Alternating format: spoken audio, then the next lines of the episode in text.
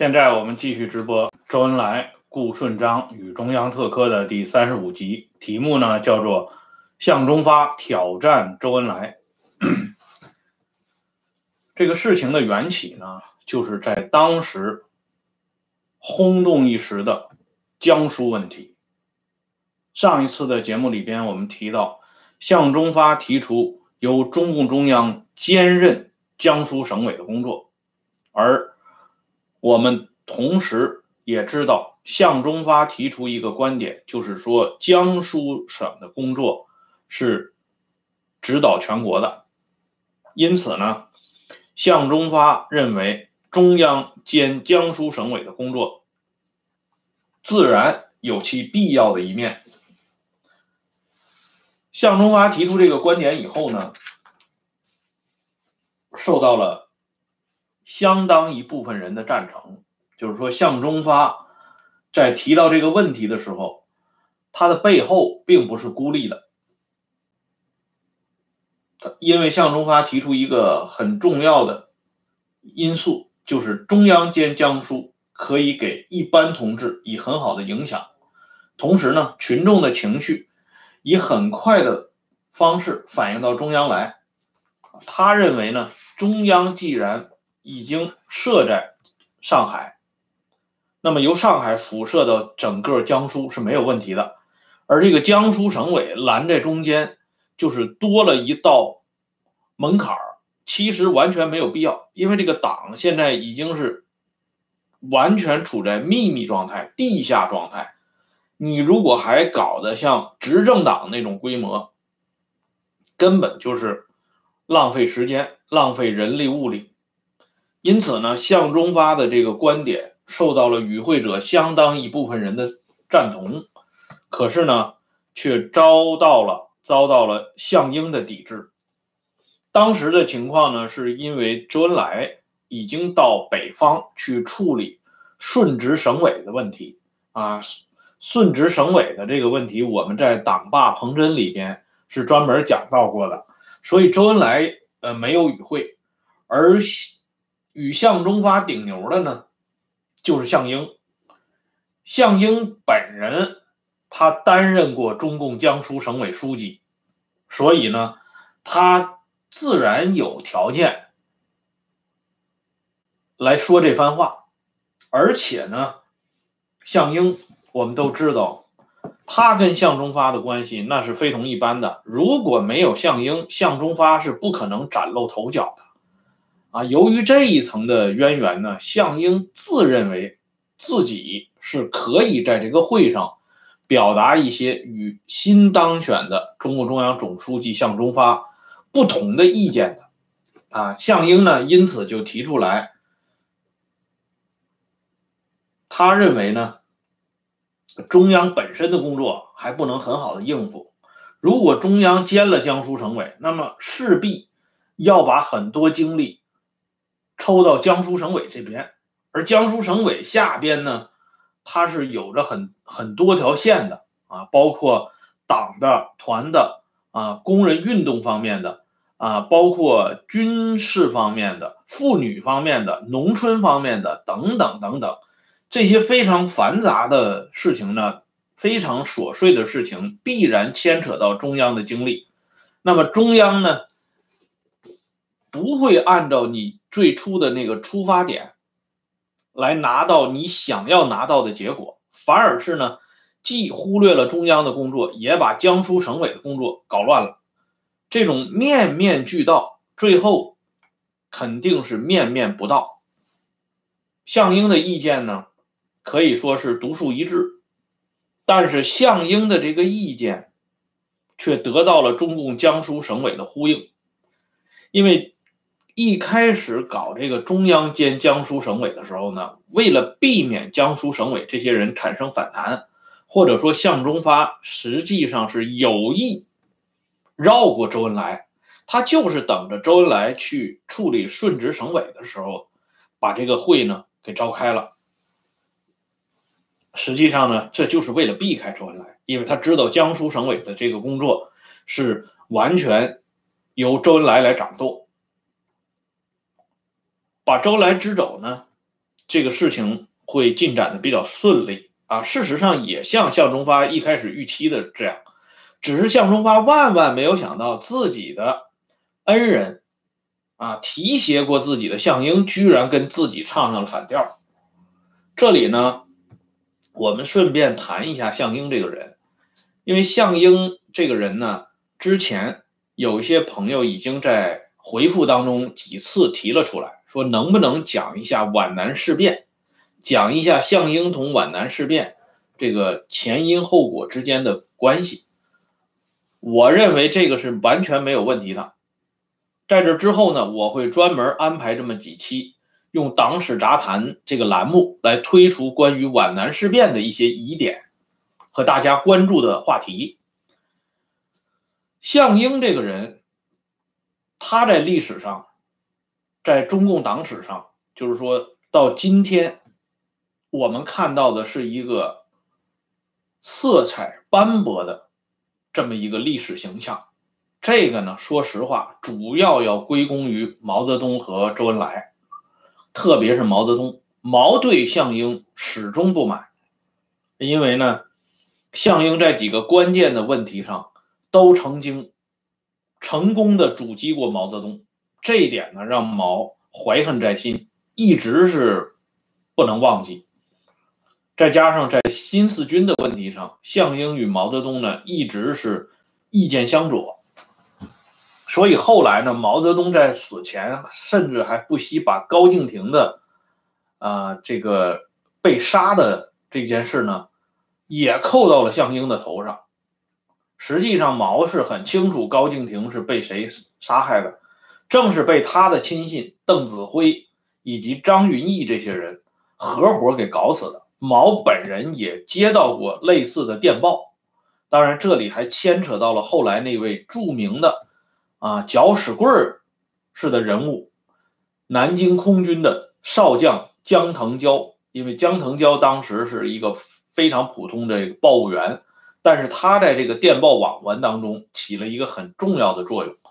由此，毛泽东曾经下过结论，说江腾蛟此人不得重用。啊，这个事情呢，就是由高敬亭引发的。这个后后边我们会专门提到的。项英这个人，实际上在中共党史，他应该的位置是什么呢？这是一个比较正直的人，而且比较正统的人。这个人呢，一直是严格的按照党的组织纪律性、党的原则、党的是非啊、党的传统的观念来办事的。所以呢，他的所作所为。没有越雷池雷池一步，包括他杀掉他自己的老婆张亮，实际上呢，也是在党的这个纪律的这条线上顺下来的。虽然手段极其残忍，但是如果你参照当时党的这个他党内的这套东西来看的话，你会认为项英这么做呢，也是遵循了这个党组织的。一个潜在的约定俗成的规矩，啊，刚才有朋友说从网易过来的，啊，谢谢你啊，因为这么一看也是老朋友了。另外你提到的这个电子文档，这个 PDF 的这个我已经说了，啊，什么时候统一我会有一个公告啊，到时候呢大家就会知道。现在呢是正在整理当中，因为这个文集呢。要分几个部分，有党史的，有历史的，还有一些小小的杂文啊，都要分别归档，做成 PDF 很容易，但是首先要在 Word 上啊把它改好啊，所以呢，先不要着急，应该很快了，争取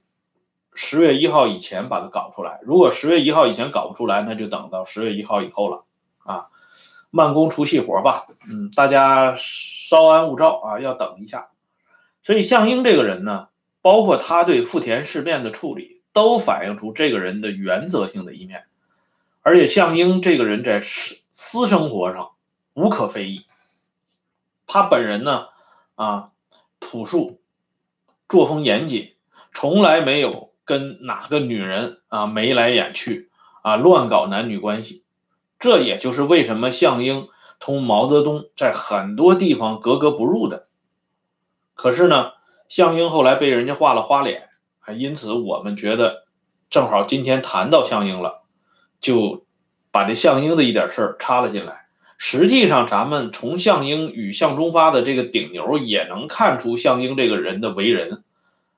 按照正常的角度来讲，向忠发是新当选的一把手，后边是站着共产国际，而且党内中央政治局其他成员除了走了的周恩来以外，很多人都倾向于向忠发的意见。如果稍微识相一点，项英完全可以不站出来反对，但是项英就是不行。啊，他呢就是一定要跟向忠发掰扯掰扯啊。从这个工作角度，他没想到这向忠发对项英是大发其政治脾气啊。向忠发非常恼火，因为他认为这些他这些人头他扒拉来扒拉去啊，有可能跳出来反对他的，他万万没想到是是这个项英啊。而且更麻烦的是什么呢？是当时团共青团在江苏省委的负责人之一，提前把这个会议的内容呢泄露给了中共江苏省委书记李富春。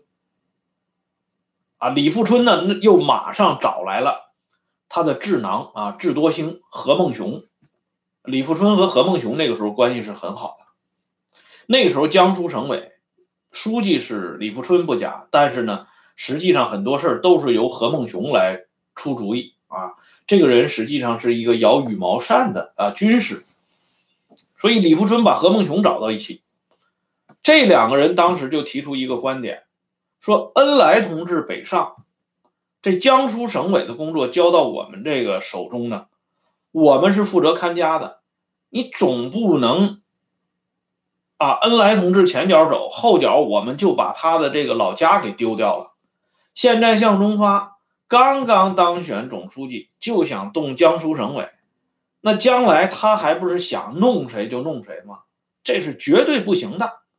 所以呢，江苏省委这些人就开始这个起来反对向忠发了。当然，这个江苏省委当时常委当中有几个人是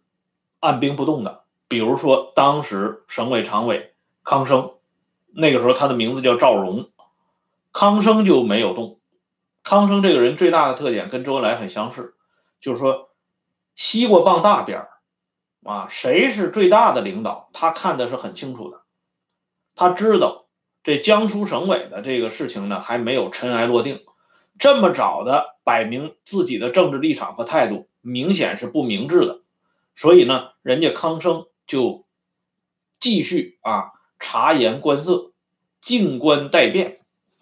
李富春、何孟雄他们在底下这么一豁弄呢，这个事情呢就进一步发酵，就开始闹起来了。这就是中共党史上最有名的江苏问题，它和当时北方的顺直省委问题、顺直省委问题，真的可以说是南北呼应啊，一南一北两件大事。这个事情起来以后，李立三先是站出来替向忠发开路啊！李立三指责江苏省委，你们这是在闹派别。这里呢，我顺便跟大家讲一下，这个中共江苏省委就是二九年、三零年、三一年啊，就这两三年当中的，包括。后来，周恩来他们撤离，周恩来、博古他们撤离上海之后的中共江苏省委，共青团江苏省委，这是长龙卧虎之地啊。后来啊，在中共党史上兴风作浪的很多人，都曾经在江苏省委里边混过，像我们刚才提到的项英啊、李富春呐，这些人就不用讲了啊，康生，对吧？还有一些呢，像三六年曾经代理过共青团江苏省委负责人的陈国栋，啊，要是有上海的朋友，应该都听过这个人的名字。后来呢，他曾经担任过中共上海市委第一书记。这个人在上海担任书记期间，据说作风相当霸道啊，搞的是一言堂，包括后来三个代表也是跟陈国栋有一定的瓜葛，所以呢，才会被这个老的上海的这些人看中，最终呢，把他推荐到陈云这些人的跟前，才有了三个代表后来的事情。所以我说，这个当时的中共江苏省委，包括团的啊，江苏省委可以说是都是一些人尖子啊，都是一些兴风作浪的好角色。因此，这向忠发这么一搞，就等于捅了马蜂窝了。而且周恩来知道以后呢，马上南下回来。周恩来一看这个问题，他一下子就明白了。因为之前向忠发，我们讲到他在给共产国际的那个信里面，已经把周恩来给告了一状了，认为周恩来这个人啊，政治上不不坚定啊，右倾，而且呢，特别有意思的是，不知道是什么人把向忠发写给共产国际的这个东西呢，关于对周恩来的评价。这段事情，居然呢在背后原原本本的告诉了周恩来本人，也就是说，周恩来知道有人在他的背后告他的刁状啊。当然呢，告诉周恩来没有挑破这是向忠发干的，只是说有人在向国际反映你的问题。可是以周恩来的这种为人的精细和聪明。他是不难判断，告他刁状的人到底是谁的，啊，这个事情是很有意思的，要特殊进行一下交代。周恩来看到江苏省委的这个情况呢，周就认为这件事情可以说非常棘手，因为一旦处理不当。他会授人以柄，那就等于坐实了他是这江苏问题闹事的背后的总后台，而且呢，还给这个向忠发一个明确的信号，就等于说江苏省委是他周恩来的禁脔，你们谁也别想插手，这就成了独立王国了。这就是毛泽东后来经常讥讽的啊，针插不进，水泼不进的。独立王国，周是绝对不会把这个锅轻易背到自己的身上的。因此呢，周恩来进行了一非一个非常巧妙的迂回战术。最主要的是，周在这个问题上是始终不动声色，让别人看不出他内心所翻腾的这些东西。这是周这个人。比向忠发厉害的地方，向忠发表面上张牙舞爪啊，携携带这个中共中央总书记的这个余威进行压制，但是呢，却被周恩来四两拨千斤，很简单的就给破解了。周恩来到了中央以后，首先把李富春、何孟雄这些人的。意见给压下去了，就是你们不要再闹了。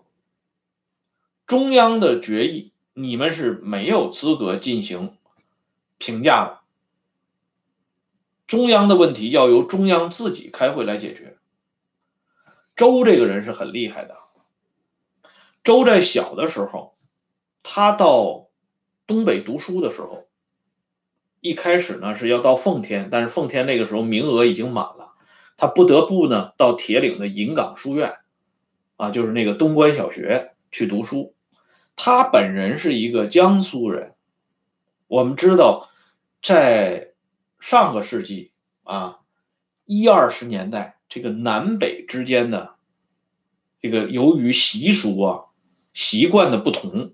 很容易造成南北方的差异和隔阂。这北方人呢，也经常喜欢管南方人叫“南蛮子”，这是一种带有侮辱性的称呼。所以，这个周恩来到了关外，特别是到这种相对比较封闭的东北地区学习，那就是个十几岁的孩子啊。他讲的是一口这个南方话，口音是南方的。这个东北的人，他听了周恩来，他就觉就首先对他的这个口音就不习惯，所以人家都管周恩来叫小蛮子，给他起了个外号叫小蛮子。再加上周呢，这个人他有点先天不足，就是说他生下来以后呢，身体一直不是特别好，人长得又比较瘦弱啊，个头也比较小，所以就受欺负。说实话啊，我有一个朋友，他是江西人，江西南南昌人，他跟我讲，他是文化大革命期间到了东北的辽宁省阜新市，啊，随他的奶奶到阜新市。去投靠他的伯父，都到了一九六八年呢，啊，一九六八年、一九六九年的这这个时候，他到阜新市去读书的时候，上小学的时候，仍然受到同学们的这个歧视，认为他是南蛮子啊，呃，笑话他说话的这个口音，可想而知，如果再往前推个四五十年，那周恩来的处境，那显然就是更困难了。而且那个时候呢，一些当地的大孩子呢，就欺负这个周恩来。周恩来怎么办呢？他就想了办法啊，他就把这些经常受欺负的同学聚到自己的身边，形成了一股合力，一股力量。然后呢，他就挑这个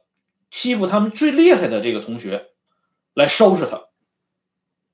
连续收拾收拾他几次。这个同学马上就老实了，然后呢，收拾完了这个同学之后呢，再去收拾比这个同学还要厉害的，因为大家在收拾这个人过程中得胜了嘛，于是就增添了力量和信心乃至勇气。接着就收拾一个比刚才这个同学还要厉害的这个高年级的学生，这样呢，这个咱们都知道，这榜样的力量是无穷的，挨了收拾的这些人。互相他就要说了，说这个这小蛮子不能再惹了。周的这套做法呢，是自己根本就摆脱了被欺负的这种艰难的处境。所以周在处理江苏省委这个问题上，他同样是以欺人之道还治欺人之身。你向忠发不是绕开我周恩来吗？我同样也可以啊，绕开你向忠发。他呢，另外。找人进行沟通，在政治局委员私下里进行沟通，所以后来就形成了一个什么样的情况呢？向忠发要力图改组中共江苏省委，要把罗登贤派到江苏省委担任书记。这罗登贤是向忠发的人啊，就是向忠发信任的人。可是呢？江苏省委就硬是把这个罗登贤给顶回去了，说你罗登贤你不能搞江苏省委工作。最后呢，中央没有办法做了让步，说这罗登贤不当书记可以，当省委常委总可以吧？啊，这样那可以啊，当省委常委可以。按说呢，这罗登贤是向忠发派出来的，可是呢，周恩来利用罗登贤同。苏兆征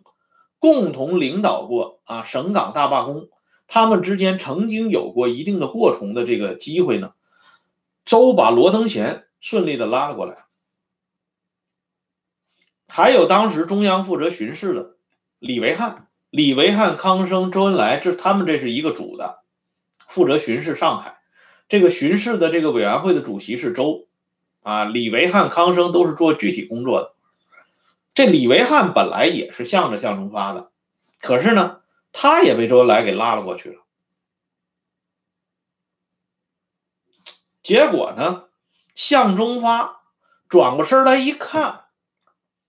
当初在政治局会议上同意他的这个即中央兼省委的这几个人呢，纷纷都变了卦了，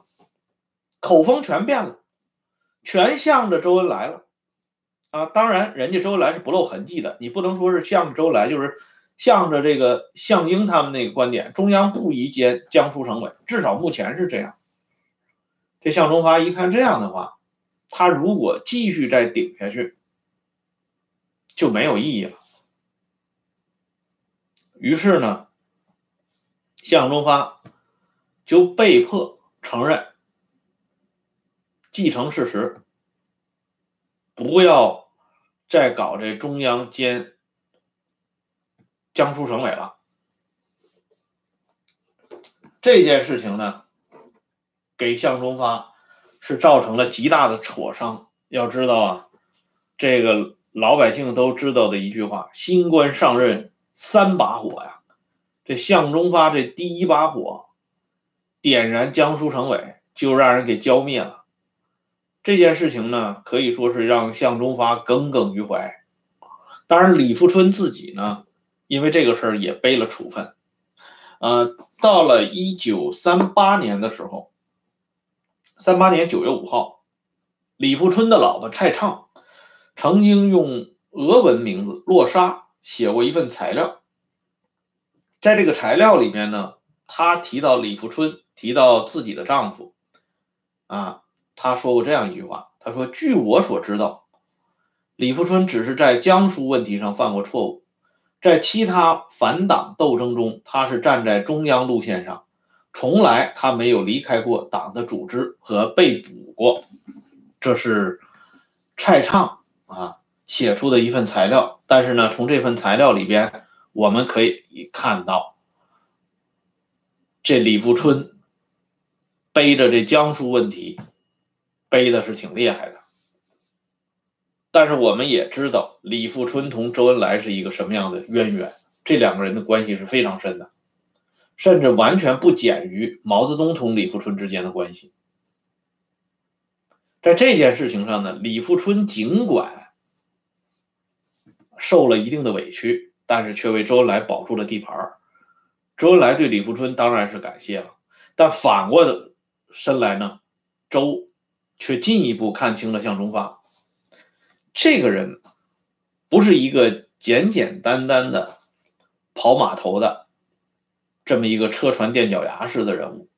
他也不是一个简简单单的呼风唤雨啊咋咋呼呼的搞那个工人纠察队的啊工运的头子，这个人是真正的来者不善，他呢？来到中共中央当总书记，不是要当排位的，这是要来当主宗的。周恩来通过江苏问题，把这个向忠发给看清楚了。但是看清楚了归看清楚了，周恩来仍然在寻找机会，因为他知道，他跟向忠发两个人之间的这个关系呢，已经出现裂痕了。因为，据杨奎松呢曾经根据俄罗斯的这个当代文献保管与研究中心的档案，提到了向忠发在放弃中央兼江苏省委以后，说过这样一番话。他说：“放弃我的主张是可以的，但并不是豪说服了我。这个豪指的就是周恩来的代号五豪，这里简称为豪，就是代指周恩来。”向忠发虽然放弃了自己的主张，但是言语之中始终流露着不服气，而且他没有提别人的名字，专门提到了武豪，提到了周恩来。可想而知，这向忠发和周恩来在这个时候关系是很紧张的，而且呢。在江苏省委这个事情硝烟未散之际，向忠发又突然把这个曾经在这个问题上帮助过他很多的李立三拿了出来当靶子打，这就更让周恩来洞若观火呀，认为向忠发这个人。不简单呐，不能等闲视之。那么接下来，向忠发和周恩来之间又发生了哪些让人大吃一惊的故事呢？我们将在下一次的直播节目里边继续给大家讲述。今天呢，暂时先说到这里，谢谢大家上来收看，再见。